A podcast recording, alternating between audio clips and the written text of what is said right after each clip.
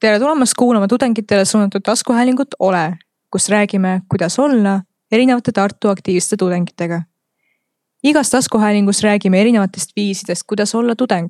näiteks, kuidas olla puhanud, tervislikum või kuidas lihtsalt olla. mina olen Johanna. ma õpin teisel kursusel riigiteadusi ja teatriteadust, olen paaris tudengiorgis ja ka üliõpilasteatris. ja sina oled siin ilmselt sellepärast, et oled ka tudeng ning võib-olla kuulud isegi mõnda tudengiorganisatsiooni. aga täna tahaksin ma rääkida selle sinuga, kes kõigi oma tegemiste ja toimetuste taga seisab. mõtteviis, kes teeb, see jõuab, on küll ilus, aga võib viia selleni, et avastad need ühel hetkel täiesti ülekoormatuna ja ei meenugi enam, kes või mis sa selline ise tegelikult oled. ja kuna tegu on teemaga, mida on üksi päris raske järada on mul suur rõõm teha seda üksa personalijuhi Alice'iga. tere, Alice. tere, Johanna. Alice, mis sa uuel aastal endale lubasid, kas sa üldse lubasid midagi um,? jah, aga ei. selles mõttes, et um, ma ei ole väga suur uskuja sellesse, et sa pead oma uusaastalubadused tegema uusaastal, nagu mina olen hetkel nendega selles faasis, et ma olen enda üle väga uhke, kui ma nüüd veebruariks valmis saan ja ma arvan ka, et see võiks olla okei okay. ähm,. aga nagu kuidagi veel e-, eesmärgistamata ja kirja panemata, mis mul mõttes on, on see, et ma tahaks endale lubada natukene rohkem aega iseenda jaoks ja võib-olla ma ei tea, oma pereelu jaoks, oma koera jaoks ja natukene rohkem võib-olla öelda ei asjadele, mis reaalselt ei too mu ellu päriselt lisandväärtust ähm,. mitte teha seda viisakusest või kohusetundest jah ütlemist. mul on ka selle jah ütlemisega nagu hästi-hästi keeruline, ma ise mõtlesin ka, et no kuna nüüd lihtsalt kuulajale vahemärkusena, et vahepeal on meil tõesti alanud uus kalendriaasta mm -hmm., tagantjärele head uut, kui tohib üldse, ma ei tea. vist ei tohi, aga noh, me ei saa kõigile viinapudelit ka osta, nii et. okei okay,, tõsi äh, no siis ma jah, mõtlesin ka, et ma vahelduseks õpin lihtsalt ei ütlema asjadele mm -hmm. ja see on nii raske, sest ma tahaksin ka olla selline nii-öelda viisakas ja ettevõtlik ja kuidas sa ütled inimestele ei mm, -hmm. see tundub justkui nii, ma ei tea, õel või laisk või ma ei teagi. aga siis ma mõtlesin jah, ma lähen seisan vahelduseks selle kurikuulsa ole vähem loosungi all mm. -hmm.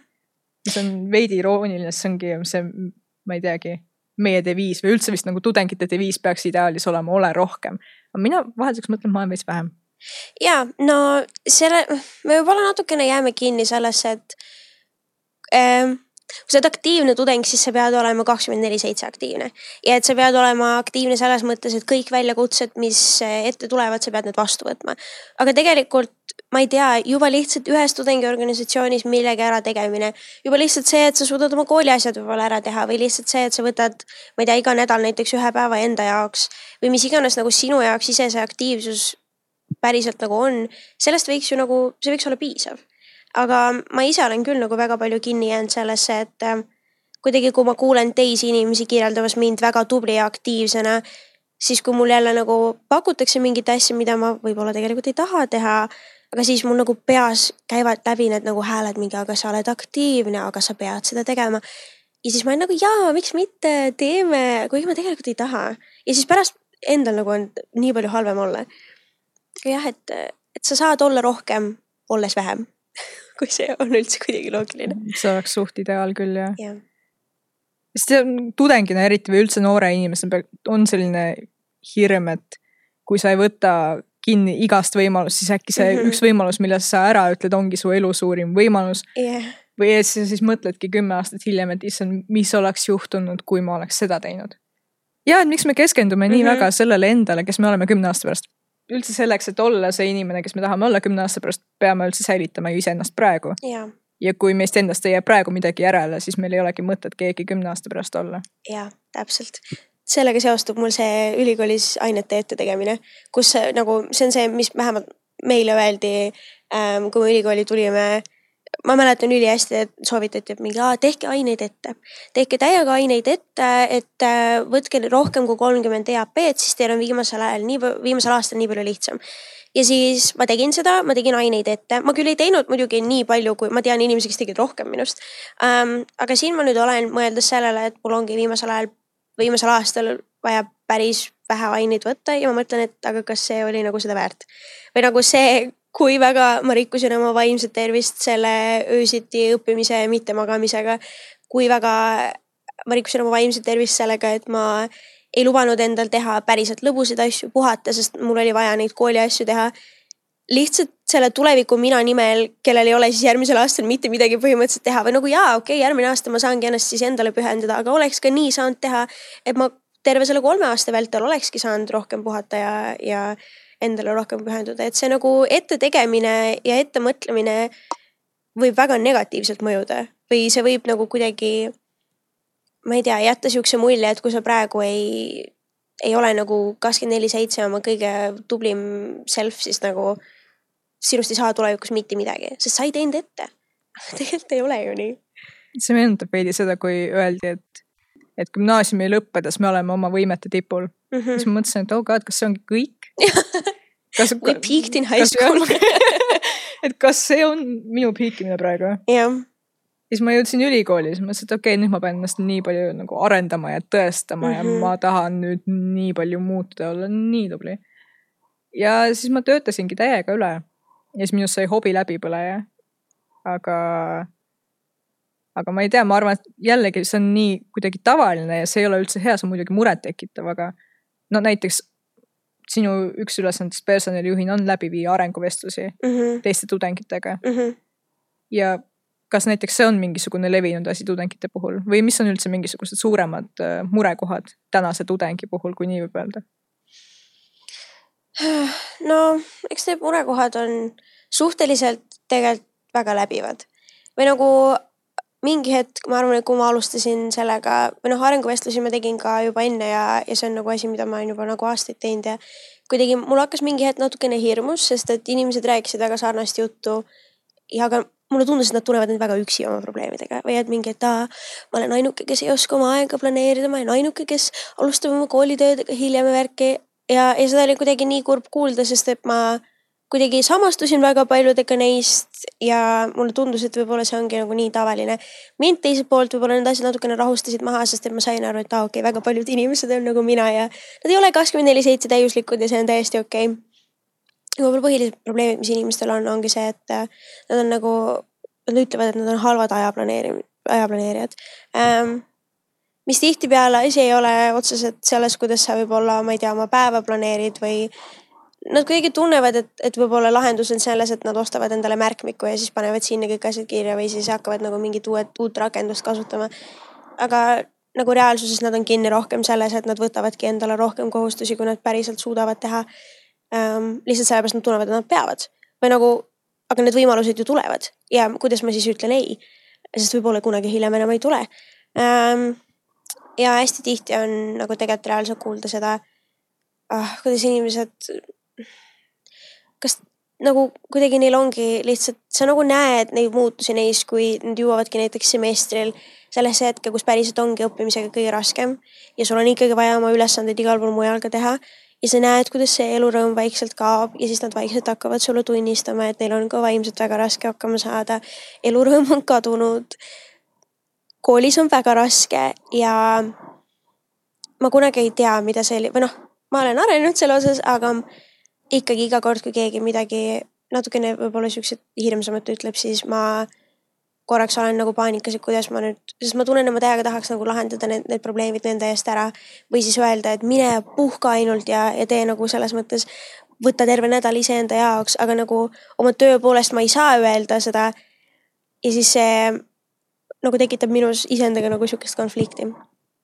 jah, põhiliselt nagu inimestel ongi lihtsalt äh, raske leida seda tasakaalu ja kooli ja, ja tudengielu vahel ähm,.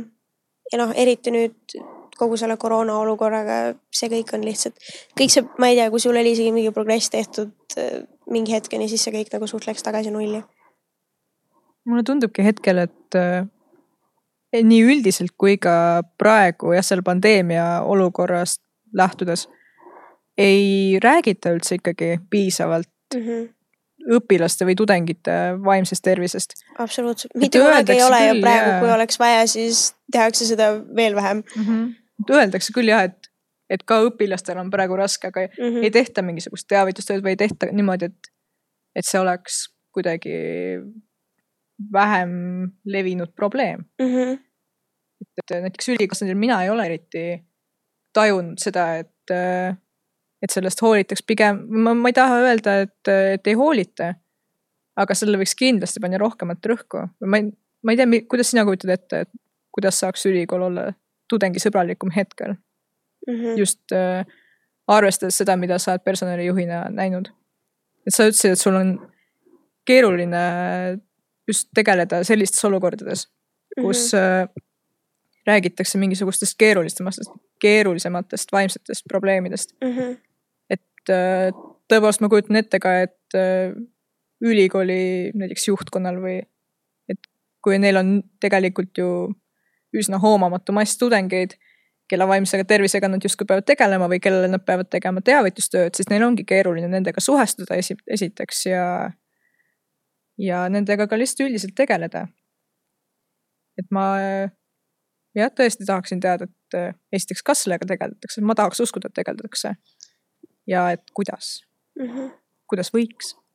või nagu sellega on naljakas see, et eh, meil eksisteerib ju Tartu Ülikooli nõustamiskeskus, mis on olemas on tasuta äh,. väga nüüd, nüüd neil on sihuke väga lõbus regamissüsteem, tore, aga millele nagu keegi rõhku ei pane ja just nagu millega võib-olla ülikool võikski rohkem tegeleda, on see, et kuidas sa jõuad sellest kohast, kui sa kodus nutad, oled paanikas, ei saa hakkama oma asjadega, mis iganes viisil sinul see väljendub, on ju, kuidas sa jõuad sellest hetkest sinna nõustamiskeskuse ruumi või sinna noh, hetkel siis nõustamiskeskuse äh, Zoom'i, jah. Ähm,. aga et nagu see, see vahepealne osa on see kõige raskem, sest et või nagu ma saan täiesti aru ka sellest, et igat ühte ei saa nagu noh, ei saa võtta käest kinni ja nagu ise sinna viia. aga lihtsalt mulle tundub, et seda ei, ei mõisteta, kui palju suurem see mass oleks, kes päriselt nagu julgeks seda abi vastu võtta või lihtsalt julgeks kasvõi minna oma muredest rääkima või kes või nagu kuidas me saaksime üldse aru, milliste muredega sa võid sinna rääkima minna, sest et natukene on nagu mingi väga suur eeldus, et sul peab olema, ma ei tea, sihuke kõige kohutavam depressiooni vorm selleks, et sa päriselt võiksid sinna minna, aga kuidas sa tead, et sul on või kuidas sa tead, mis sinuga üldse toimub ähm,. kui, kui nagu sul ei ole otseselt seda infot või seda nagu kindlat võib-olla inimest, kellega rääkida, enne kui sa päriselt nagu jõuad sinna mm, päris professionaali juurde rääkima. ja kust tudengid võtavadki seda infot, on siis internet, internet on küll väga tark ja väga tubli, aga noh, mida näiteks praegu mina väga tihti, millele ma mõtlen, on nagu, no okei okay,, TikTok on ju, natukene võib-olla kõrvast eemale korra, aga ähm, väga paljud inimesed istuvad seal, mina istun kaasa arvatud, mulle ka meeldib mõnikord seda Tiktok'i vaadata ja siis nüüd mina olen ka nagu seal vaimse tervise Tiktokis. Neil on nagu Tiktokil on erinevad osakonnad ja siis ma olen nüüd seal um,. ja seal on hästi palju nagu neid videosid, kus on nagu mingid sümptomid, on ju. nagu ongi lühike video, kus loetakse ette sümptomid ja siis pärast öeldakse, et okei okay,, sul on nüüd see haigus. ja see on kõik nagu sellega video lõpeb ära ja siis sa lähed edasi mõttega, et okei okay, um,, nüüd mul on, äh, ma ei tea, depressioon, mul on ärevus, mul on see mingi personality disorder, mul on veel seitsekümmend kaheksa vaimset haigust um,. keegi kunagi ei räägi sellest, kuidas, mida sa siis tegema peaksid, kuidas sa peaksid neist lahti saama, kellega sa võiksid konsulteerida sellel teemal um,. ja nagu kui, kui nagu päriselt kuulatagi mingeid nagu professionaale, siis nad ütlevadki, et tihtipeale need sümptomid, mida igast internetis videotes ette loetakse, on väga normaalsed eluga kaasas käivad asjad ja see ei tähenda, et sul on kohe mingi nagu päris tõsine vaimne probleem. Mm.. ja nagu kurb on, et, et hetkel nagu ma isiklikult tunnen, et nagu kui me vaataks enda elus toimuvat, siis TikTok on põhiline koht, kus ma saan infot vaimse tervise kohta. mis ilmselgelt võib-olla ei ole nagu väga hea lahendus, aga ülikoolis võiks, ma ei tea, olla kas mingi kindel isik või laus, ausalt öeldes osakond, kes päriselt nagu olekski spetsiifiliselt ainult selle jaoks ähm,. ja minu meelest võib-olla, kust nagu see noh, just selle aasta arenguvestlustest, mis minul nagu väga tugevalt välja tuli, oli see, et ähm, õppejõududel on äh, päris suur ähm,, ma ei tea, osatähtsus või nagu just nagu päris suur mõju meie ähm,, vaimsele tervisele, sellele, kuidas me ennast näeme, kuidas me tunnetame, ma ei tea, enda võimeid. Ja kõige kurvem asi, mis ma olen sellel aastal kuulnud, on see, kui inimesed räägivad mulle, et nad äh, nutavad, et äh, nad on lihtsalt tohutult kurvad, nad tunnevad end mõttetutena, nad tunnevad end nii lollidena, neil tekivad suitsidaalsed mõtted selle tõttu, kuidas õppejõud on neid kohelnud ja ma ei taha, et kui keegi ülikoolist seda kuulab, siis nad arvavad, et, et ma räägin siin, ma ei tea, ülikoolist väga halvasti, mulle meeldib ülikool, mul on olnud endal nii palju toredaid õppejõudusid ähm,. Aga on väga suur vahe sellel, kuidas sa tudengitega suhtled ja ma saan aru sellest, et kui sul on väga palju tudengeid, siis see natukene muutubki väga, nagu sa ei näe teda enam indiviidina, sa näed teda lihtsalt tema selle numbrina lihtsalt, aga lihtsalt kasvõi see, kui väga sind võib üks vastus õppejõult mõjutada, mis näiteks, mis kogemus minul sellel aastal oli, kus ma pöördusin reaalse murega ähm,. ja ma sain vastuseks ausalt öeldes midagi väga, mis pani mind ennast halvasti tundma, et minuga üldse midagi juhtunud oli ähm,.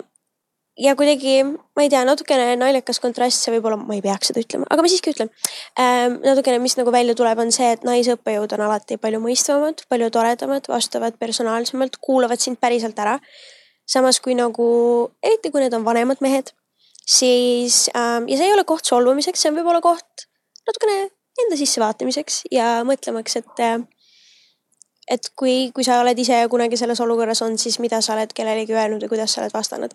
sest et äh, nagu eriti praegusel ajal on ju nii raske, kasvõi kui sa saad nagu kõik, kogu su suhtlus toimub internetis, arvutis. arvuti on põhimõtteliselt su parim sõber, su, ma ei tea, õppejõud, su töökaaslane, ka ühtlasi ka, ma ei tea, su vaba aja veetmisviis. kõik, mis sealt tuleb, on väga tõsiseltvõetav ja kui see ongi nagu, kui sa saadki tagasisideks lihtsalt mingi ühe lause, mis, millel ei ole taga emotsiooni, millest sa ei saa aru, mida ta võib-olla tegelikult, kuidas ta oleks seda öelnud, siis see võib olla nagu, see võib väga haiget teha inimesele.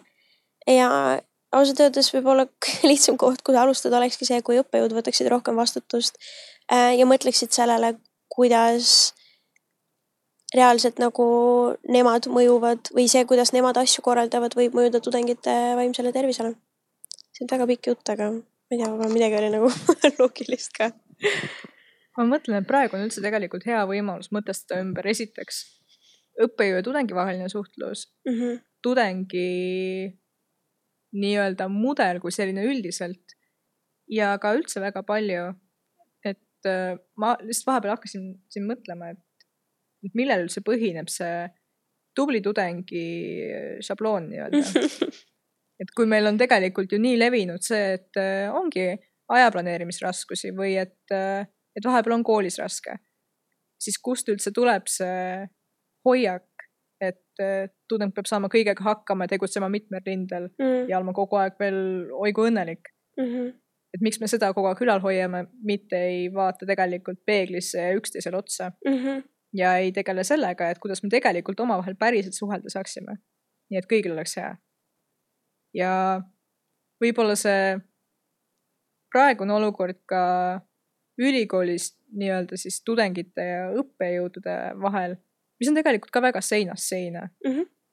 et äh, seda annaks ka kindlasti ümber teha ja mina isiklikult arvan, et ka tasuks, sellepärast et äh, ma olen kuulnud ja olen ka ise kogenud, et äh, hoitakse mingisugust no justkui tehakse nägu, et mitte midagi ei, ei toimu, aga tegelikult ju ei ole üldse hullu selles, kui me olemegi rohkem veebipõhised. Või et me tunnistamegi, et praegu ongi need nii-öelda keerulised, ootamatud, segased ajad. mul on nii kõrini selle väljendi kuulmisest. aga no tegelikult on ja on okei okay kohaneda ja tegelikult ei olegi midagi hullu, kui ka õppetöö läheb natukene teistsuguseks. sellepärast, et äh, tudengid on tegelikult ka esiteks inimesed, teiseks mõistlikud inimesed tihtipeale. et äh, kõik ju ometi saavad aru. Ja mulle isiklikult ongi just meeldinud kõige rohkem need situatsioonid, kus äh, kõik vaatavadki oma veebiruudukest üksteisele otsa ja saavad aru, kui absurdne on tegelikult see mhm. olukord ja mis me nüüd mängime kooli praegu mm. -hmm ja ometi kõik lähevad selle mänguga kaasa ja tegelikult ongi tore, et me saame lihtsalt teistmoodi hariduse. aga, aga see tubliduse kultuur on tõesti noh, kui üldse võib niimoodi öelda, et ma ei tea, kas see on päris termin. Aga tubliduse kultuur kui selline on minu arust asi, millega saaks päris hästi kirjeldada üldse seda praegust kurja mm -hmm. juurt. et meil on äh, endale kuidagi sisse kinnistatud see mõte, et me peame olema kogu aeg hästi tublid ja ilmselt see tuleb ka väljaspoolt ja võib-olla see on ka ühiskonna probleem laiemalt, kui nüüd nagu minna väga selliseks, et me ühiskonnas elame. aga, aga tahaks teada tõesti, et mis on selle taga. Et miks peab olema tudeng niivõrd tubli? Äh, miks peab üldse inimene olema niivõrd tubli, et temast endast ei jää midagi järele? et kas sa oled ise tajunud seda, et, et mingi hetk on tublist saanud rohkem sõimusõna, et sa ütlesid enne, et, et sind on kirjeldatud tublina, aga samas on natuke nagu sul selline kubjas kaelas, et sa peadki siis kogu aeg vastama sellele tublidusele mm. -hmm. Ja ma ei tea, miks, miks, miks minul on nagu kuidagi iseendaga nii läinud, et nagu mul on natuke mingi suutmatus komplimente vastu võtta ja ma kasutan neid iseenda vastu.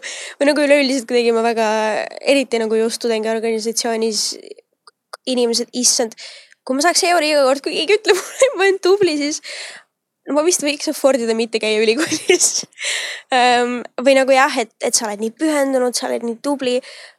Aga in the end kuidagi see nagu ei kõla enam lõpuks üldse positiivselt. Ja ma tunnen ka, et, et see on nagu kurb, et inimestele jääb minust selline mulje, et ma olen nagu kuidagi väga sihuke keeping it together ärkab kell kaheksa hommikul, läheb alati kell kümme õhtul magama, sööb ainult vegan toitu ja on, äh, ma ei tea, jõuab seitsmekümne kaheksa asjaga tegeleda. nagu ei, ma ei ole selline. ja samamoodi ka need inimesed, kelle videosid te, ma ei tea, internetis vaatate, keda te Instagramis jälgite, kus iganes.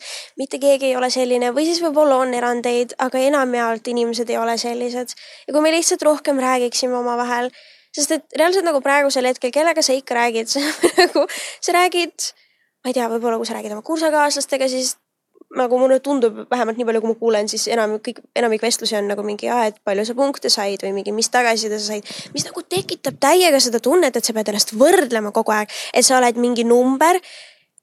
ja on mingi tabel ja sa kogu aeg langed nagu allapoole seal. sest et noh, ainult üks saab seal tipus olla um, või siis võib-olla, kui sa oledki tudengiorganisatsioonis, siis jõuad inimestega, noh, tudengiorganisatsioonis sa saad palju vabamalt rääkida ja rohkemate inimestega suhelda. aga võib-olla jah, kui ongi siuksed olukorrad, kus sa oledki kinni pigem oma tööülesannetes ja nagu ei jõuagi inimestega lihtsalt niisama rääkida um,. siis jällegi nagu see element jääb puudu ja siis sa tunned ennast jälle nii üksi oma probleemidega ja nagu kuidagi sa ei näe seda suuremat pilti, mis noh, kuidas sa peaksid aga jah, kuidagi selle tubliduse kultuuriga, mis sa enne ütlesid, mul tuli meelde see või kuidagi seostus täiega gümnaasiumiga, ma ei tea, kuidas sinul oli gümnaasiumis, aga minul oli küll see, et iga asja peale öeldi, et no ülikoolis sa küll niimoodi teha ei saa. mis mõttes sa hilinesid sellega, mis mõttes sul on see tegemata, ma ei tea, mis mõttes sa jäid tundi hiljaks või mis iganes vale samm, mis sa tegid ülikoolis sina niimoodi teha ei saa. seal ei hoia mitte keegi sinu kätt, mis oli mu lemmiklause, mis kunagi öeldi ähm,. ja no mis põhimõtteliselt öeldi, on see, et ülikoolis sinust nagunii ei hooli mitte keegi. ja see oli nagu minu jaoks kuidagi väga haige, sest et see põhimõtteliselt jätab siukse mulje, et nüüd, kui sa lõpetad äh, gümnaasiumi või noh, lõpetad nagu kooli, siis sa pead järsku olema täiuslik inimene, kes ei tee ühtegi viga ja siis minema ülikooli ja olema seal täiesti üksi. aga inimene ei ole mõeldud asjadega hakkama saama üksi. meil on vaja teisi inimesi, meil on vaja inimestega rääkida. ja see on täiesti okei okay,, aga millegipärast ülikool on väga selles mõttes üksik koht. see üksi tegemine ja sealjuures veel palju tegemine on natukene tundunud sellise suureks, suureks inimeseks olemise kohustusliku osana mm. -hmm aga ma ei tea, esiteks jällegi, kust see on tulnud, see on mul vist praegu mingisugune läbiv küsimus, et kust tulevad need hoiakud mm. -hmm. ja kas need on vajalikud, äkki võiks need minetada natukene. et kas mingi hetk, kui sa saad põmm kakskümmend, kas sa enam ei vaja teist inimest või kas sa mm -hmm. ei vaja enam hoolivat lähenemist ei enda ega teiste poolt. et jah, et miks, miks mitte luua selline ma ei taha öelda pehmem, aga aktsepteerivam ja soojem keskkond ükskõik millises, kas haridusasutuses või mm -hmm. rohkem nagu edaspidi töökeskkonnas. ja samas nagu, kui ma seda nüüd ütlen, siis ma tunnen ennast küll praegu sellise paraja lumehelbekesena yeah., mässime kõik üksteist poti sisse, siis teeme kalli. aga. no miks mitte? jätte, samas, miks mitte? et äh, see on jällegi mingisugune hästi mustvalge maailmapilt mm, -hmm. mis meil vist paraku on ja natukene ka paratamatult. et me saame olla kas väga professionaalsed ja tegusad ja tublid või siis me saame olla sellised mõttetud pehmekesed mm. -hmm. et seal on tõesti mingisugune middle ground ja tegelikult edaspidi vist tööturul, mida aeg edasi, seda ka rohkem teadvustatakse aga haridussüsteemis selleni vist ei ole jõutud, aga samas, kes seda kõige rohkem kujundada saaksid teoorias, olemegi ju meie kui tudengid. jah, aga ka ülikool ise või nagu üleüldiselt ähm, noh, eriti noh, meie riigiteadusi õppides on ju ähm,, väga palju tuleb see tööturu küsimus äh, mängu, et äh, see, mis ma praegu siin päriselt õpin, et nagu kas kedagi see nagu huvitab, kui ma selle ära lõpetan äh,, mis ma teen selle paberiga äh,. ja ma arvan, et me kindlasti ei ole ainuke eriala, kes, kes nagu mõtleb sellistele asjadele, ma ei tea, kindlasti meie erialal on inimesi, kes teavad täpselt, mida nad teevad äh,. kellel on kindel plaan ja nad teavad, et nad selle paberiga teevad midagi. aga käisin vahepeal äh, karjäärinõustaja juures ka seal Tartu Ülikooli nõustamiskeskuses. nii väga soovitan appi, kui toredad inimesed, nii sõbralikud, nii armsad, kuulavad ära kõik mured, mis sul on. Ja päriselt annavad kasulikke soovitusi ja absoluutselt ilma igasugu hinnanguteta. ja ma sain kuidagi väga palju uut teada sellest, kuidas nagu ülikool tööturuga üldse seostub. ja minu jaoks olid need asjad, ma kuulsin esimest korda elus neid ja ma peaksin nagu varsti päriselt sinna tööle minema ja ma olin nagu okei okay,, põnev, väga hea, et ma nüüd teada sain um,. ja kuidagi nagu see, kui väga me väärtustame seda paberit või seda eriala, mida me õpime, nagu mida ma rohkem ma saan teada sellest, võib-olla, mida päriselt äh, tööandjad tahavad, seda vähem ma kuidagi tunnen, et niivõrd just see paber, mida ma praegu teen või see paber, mida keegi teine praegu teeb, et see on nagu nii oluline. aga me oleme kuidagi nii kinni selles, et meil just seda on väga vaja. ja et ka kasvõi, et kui noh, kui ma ei lähe ülikooli, siis ma ka nagu minust ei saa mitte midagi. mis on nagu kuidagi nii absurdne, aga see on see, mida vähemalt minule sisendati terve elu. nagu nii koolis, nii ma ei tea, ka kuidagi võib-olla eraelus see tundus nii loogiline, et ma pean minema ülikooli, ma pean selle üksi läbi tegema need kolm aastat, pluss siis kindlasti magister, sest sinust ei saa muidu mitte midagi um,. vähemalt doktorikraadi puhul öeldi, et no see põhimõtteliselt ei ole vajalik ja siis, et ja siis sa võib-olla saad tööle. aga jah, see on ikka haige, kui nagu või kui meil on see, see kuidagi see, see standard, et sa pead olema tubli, siis keegi võiks vähemalt need kriteeriumid ette anda, et mis me siis, mida see päriselt see tubli tähendab või see aktiivne või mida iganes, sest et kuidagi mulle tundub, et, et see nagu standard või see mm,, mille järgi sa hindad, tuleb nagu mingite kindlate isikute pealt ühiskonnas, võib-olla mingid eeskujud, kes sul on mingid äh, mm, influence, vabandust, suunamudijad mm. -hmm. Jah, et need on väga üksikud isikud, kelle pealt me selles mõttes eeskuju võtame. aga samas, kas ei ole natukene isegi vabastav, et tegelikult suures plaanis mitte kedagi väga ei huvita mm, -hmm. kui aktiivne sa oled kooli ajal või muidu olnud mm. -hmm. et tegelikult see ju teoorias peaks just tekitama selle tunde, et olgu, kui ma olengi aktiivne, siis ma olen seda enda jaoks. ja ma teen seda, mis mind ennast huvitab ja arendan ennast iseenda jaoks, mitte niivõrd mingisuguse tule, tulevase töö jaoks näiteks või, või selleks, et ma meeldiksin tööandjale. see on mingi hoiak, mis mulle on alati kuidagi väga vastukarva käinud, et äh, mul ei ole kunagi sümpatiseerinud mõte ehitada üles enda haridustee CV jaoks mm. -hmm. ja ma ei ole kunagi otseselt teinud midagi oma elus selleks, et mul oleks ilusam CV. samas ma tunnen, et ma olen endale võtnud väga palju kohustusi ja ülesandeid just selleks, et äh, ehitada endast kuidagi õigem inimene, kui nii võib öelda.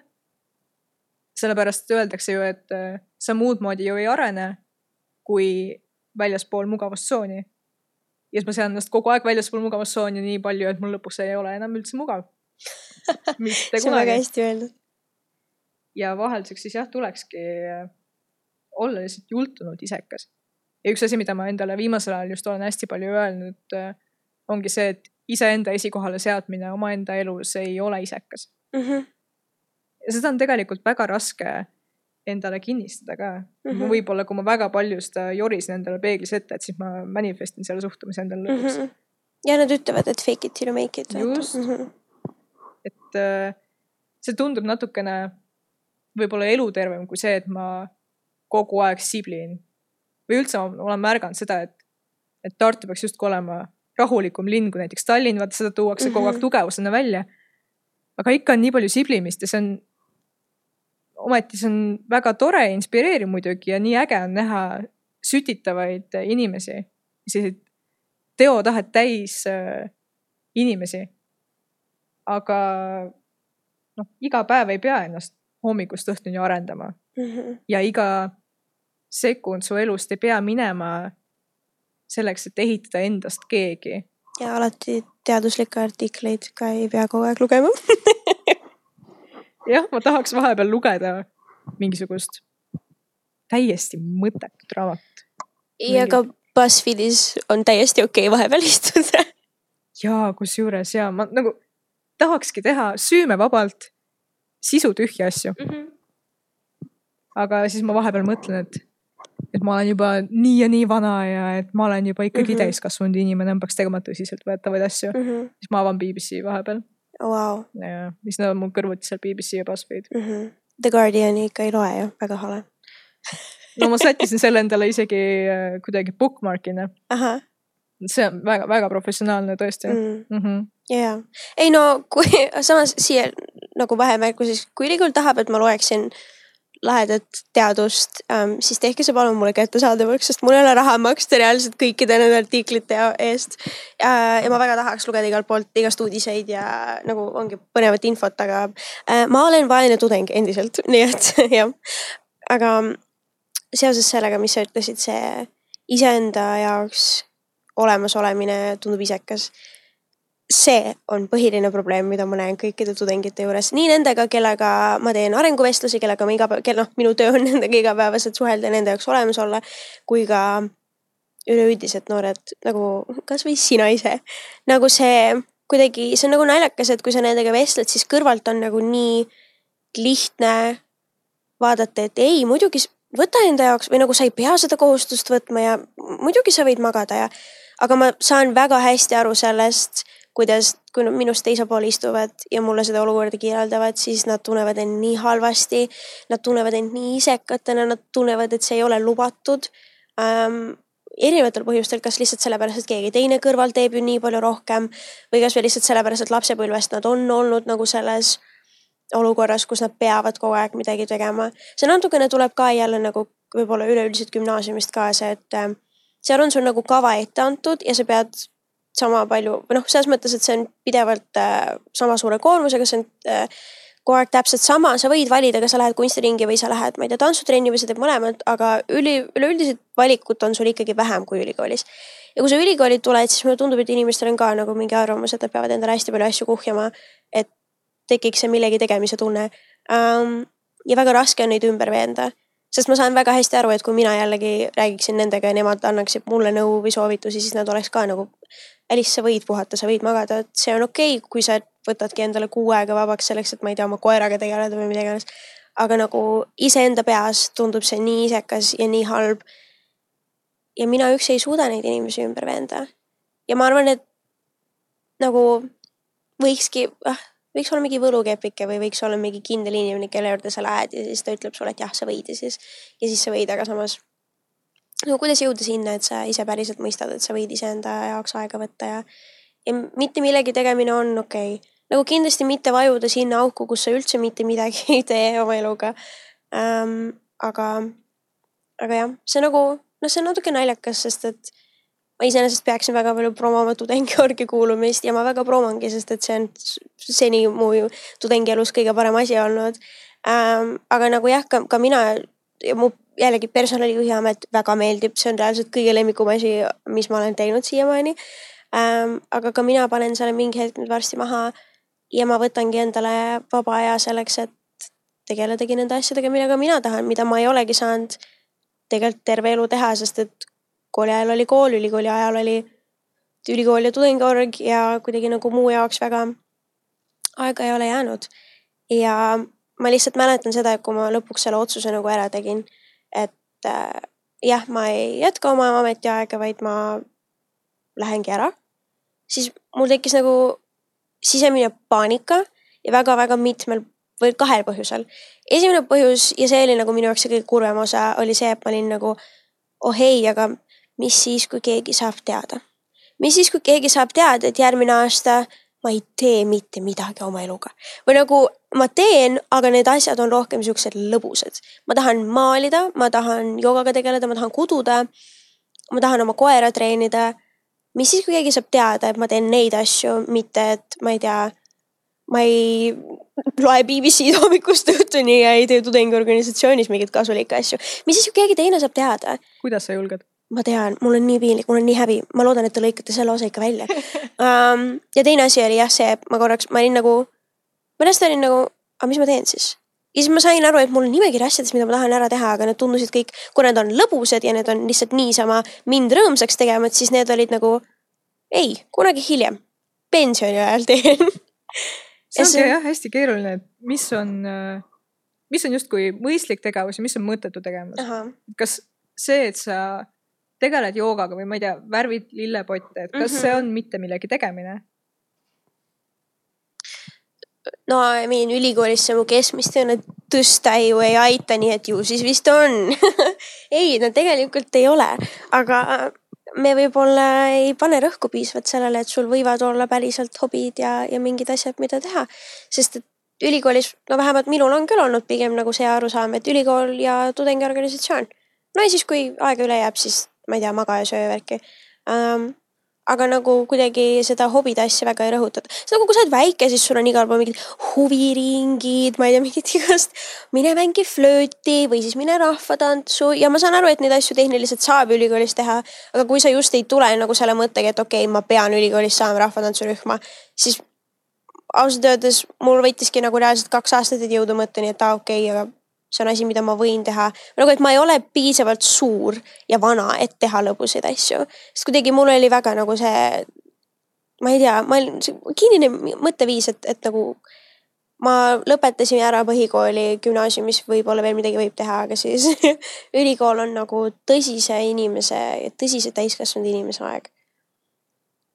ja minu arust on ikkagi ka mingisugune erisus, et, et kas sa käid pead no ikkagi mingisuguses ringis nagu keraamika või rahvatants mm. või koor. või siis sa teed kodus mingisugust asja, mis ei ole nii-öelda organiseeritud tegevus. et kas see, et sa kodus loed raamatut, kas see on hobi, kui keegi mm -hmm. küsib, et mis su hobid on, kas sa saad öelda, et su hobi on jooga mm? -hmm. või on see justkui liiga tühine või nii-öelda mitte päris hobi?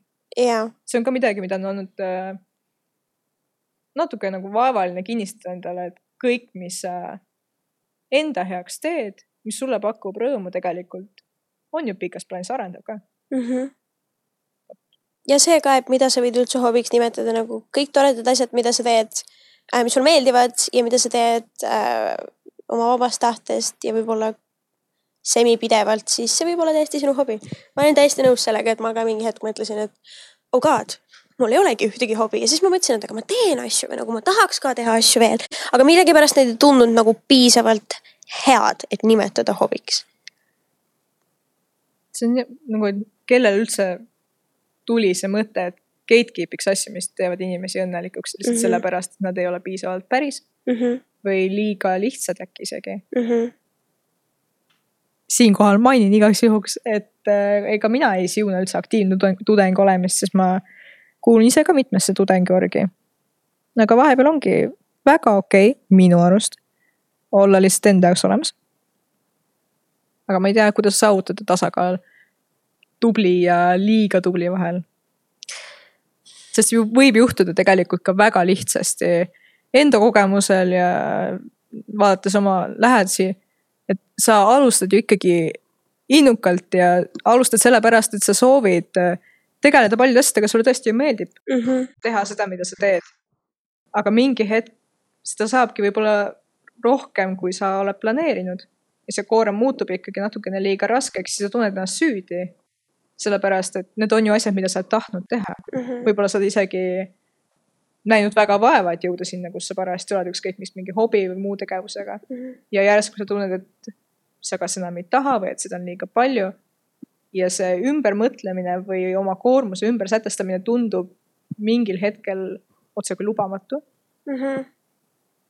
või jah, sellega seoses mul tuli meelde, et või nagu ka nagu, miks inimesed ütlevad, et neil on või noh, eriti need, kellega ma mingi arenguvestlusi teen äh,. miks nad ütlevad, et, et need on nagu hästi halvad ajaplaneerijad, ongi see, et nad võtavad endale nagu täpselt nagu sa kirjeldasid, et, et ongi hästi palju põnevaid asju, mis huvi pakuvad. ja siis mingi hetk nad nagu kuhjuvad ja nagu selle puhul on alati see, et no siin on kaks valikut, kas need inimesed saavad aru sellest, et äh, neil on nüüd liiga palju kohustusi ja millestki tuleb ära öelda Äh, ja see ei ütlemine on reaalselt kõige raskem asi selles olukorras üldse.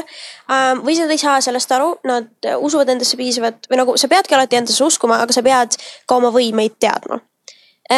Minu soovitus selle puhul, ma ei tea, võib-olla keegi on väga sellele vastu, aga minu soovitus on alati pigem alahinda ennast või jah, et ähm, kuidagi usu, et sa suudad teha vähem.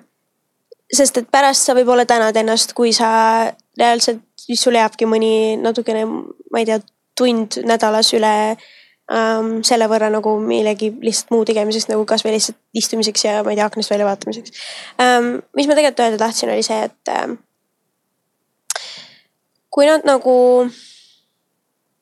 inimestel on kuidagi täiega, ma ei tea, kust see tuleb, see suhtumine et, et sa pead nagu kõik need asjad korraga võtma või nagu, et sa ei või teha nii, et see aasta ma proovin seda asja, järgmine aasta ma proovin toda asja väga on sihuke tunne, et ja see on nagu naljakas, sest me oleme noored, seega võiks ju eeldada, et nagu me arvame ka, et meil on terve elu ees.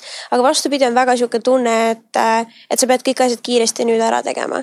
sest et justkui tulevikus mul enam nagunii ei ole selleks aega.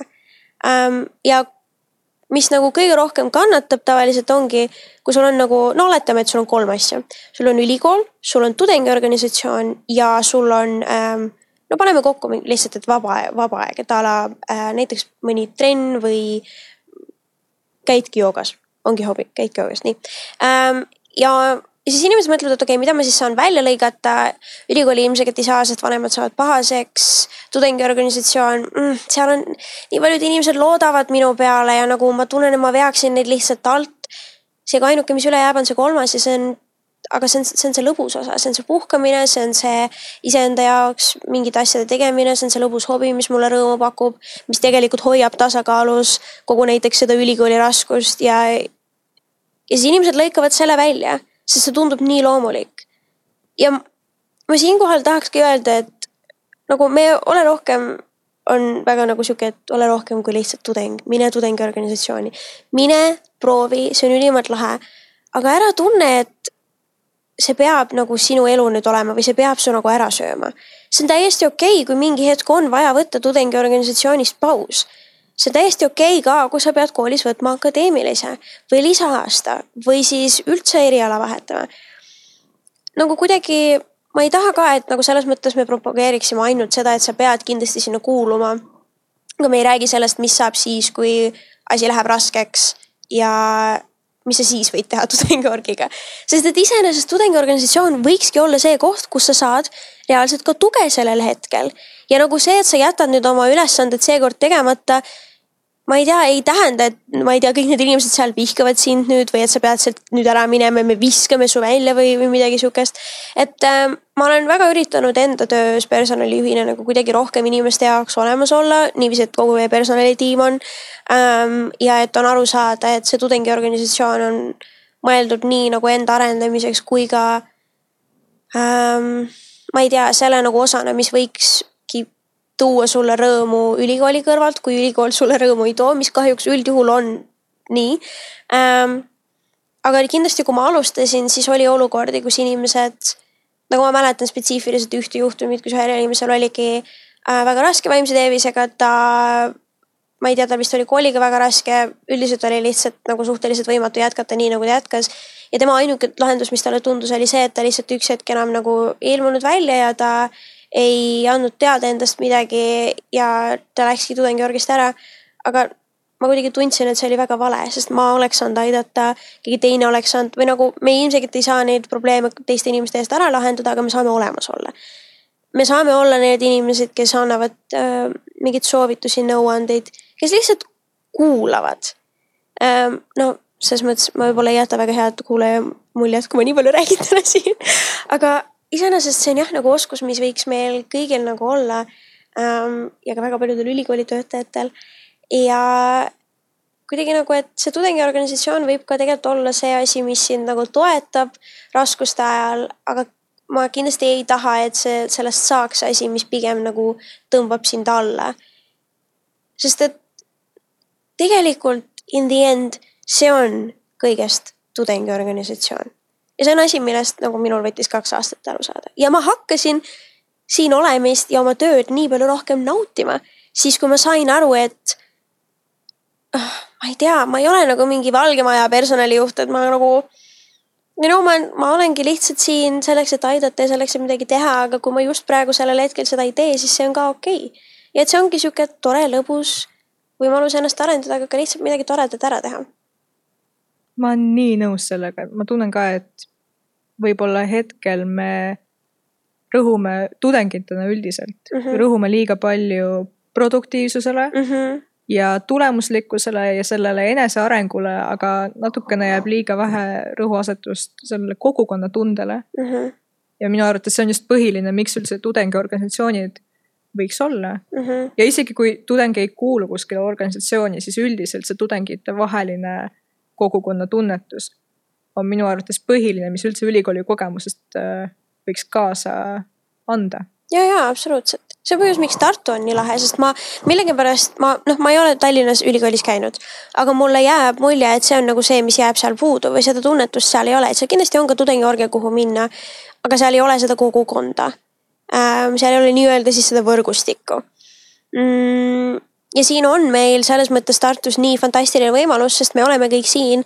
see on tudengilinn, see on reaalselt meie jaoks mõeldud ähm, siin on nii palju võimalusi meile, aga mitte ainult midagi ära teha, vaid ka puhata. Ehm, ja kuidagi nagu, kui me lihtsalt hoiaksime rohkem kokku ja suhtleksime omavahel rohkem, kuulasime, kuulaksime üksteist rohkem. Ehm, ja mitte ainult ei rõhuks kogu aeg neid töövõimalusi ja, ja nagu neid, ma ei tea, ülikooli hindeid või tagasisidet või nagu a la, mis aineid sa nüüd võtad, mis on kindlasti nagu tore info, mida vahetada, aga lihtsalt. ma ei tea, mul on kindlasti olnud olukordi, kus ma oleks soovinud, et mõni tudeng oleks minuga millestki muust ka rääkinud, kui lihtsalt äh, ülikoolist või mingitest ülesannetest, mis mul tudengiorgis pooleli on. et äh, fantastiline võimalus leida endale sõpru ja uusi hobisid ja, jah. lõpetuseks on mul sulle ka üks küsimus mm. -hmm. Mida me väga intrigeeriv küsimus, mida me kõigilt saatekülalistelt küsime. Äris, kuidas olla? küsimärk oh häda ähm,. oh häda, see nüüd kohe pani, vau, niimoodi kiusadki mind ähm,. olla nii, et sa, ma ei ütle, et suudad, ma ütlen, et ähm, õpid ähm,. ütleme ei asjadele, mis sulle reaalselt ei paku rõõmu ähm, ja olla nii, et sa lubad endal teha toredaid asju, mis sulle ähm, pakuvad rõõmu, mis reaalselt täidavad, ma ei tea, su süda armastuse ja päiksega. ja ma ei tea, ma siiski kuidagi väga tahaks lõpuks veel soovitada seda Tartu Ülikooli nõustamiskeskust. millegipärast ise olen väga selles kinni, sest ma olen ise seal käinud ja minule väga meeldis ja see on tasuta, kuigi seal on mõnikord järjekorrad. nii et siis võib-olla, mis ma ütleks, on olla nii, et äh, sa mõtled sellele, et sa päriselt väärid võimalust äh, saada abi ja sa väärid seda, et keegi sind päriselt ära kuulaks. sest et sa oled seda väärt. See kõlas veits nagu reklaam. sihuke jah, veits äh, šampooni reklaami vibe. Mm -hmm. suur-suur aitäh, Alice, et sa minuga siin vestelnud ma tundsin, et ma ei andnud väga palju nagu lisandväärtust, ma lihtsalt latrisin, ma ei tea, tund aega või kus iganes kaua see kestis, aga igatahes minu meelest väga tore vestlus oli ja kui kasvõi, ma ei tea, üks tudeng tundis ennast ära mingites olukordades siin ähm,. siis mul on juba väga hea meel, sest et ma eeldan, et ta sellest saab aru, et ta ei ole üksi. ja nagu päriselt ka, see on nii, see on nagu see naljakas lause, mida me alati ütleme, et mingi, keegi ei ole üksi, aga nagu sa ei olegi päriselt alati on keegi, kellega saab rääkida ja isegi kui sa tunned, et see ei ole sõber, siis on professionaalseid inimesi, kes, kes on nõus seda tasuta tegema. nii et äh, jah, ja sinuga on alati ka väga-väga tore rääkida, selles mõttes ma arvan, et kindlasti sa oleks number üks inimene, kelle ma valiks ähm, vaimsetest äh, probleemidest siis rääkima, sest et äh, sina oled minu jaoks alati olemas olnud äh, nendes hetkedes, kus minul on olnud raske ja. nüüd ma olen lihtsalt kohutavalt puudutatud ja väriseva huulega ütlen ka sulle, kallis kuulaja, suur aitäh, et oled meiega kaasa mõelnud. tule teinekordki. ja järgmise olemiseni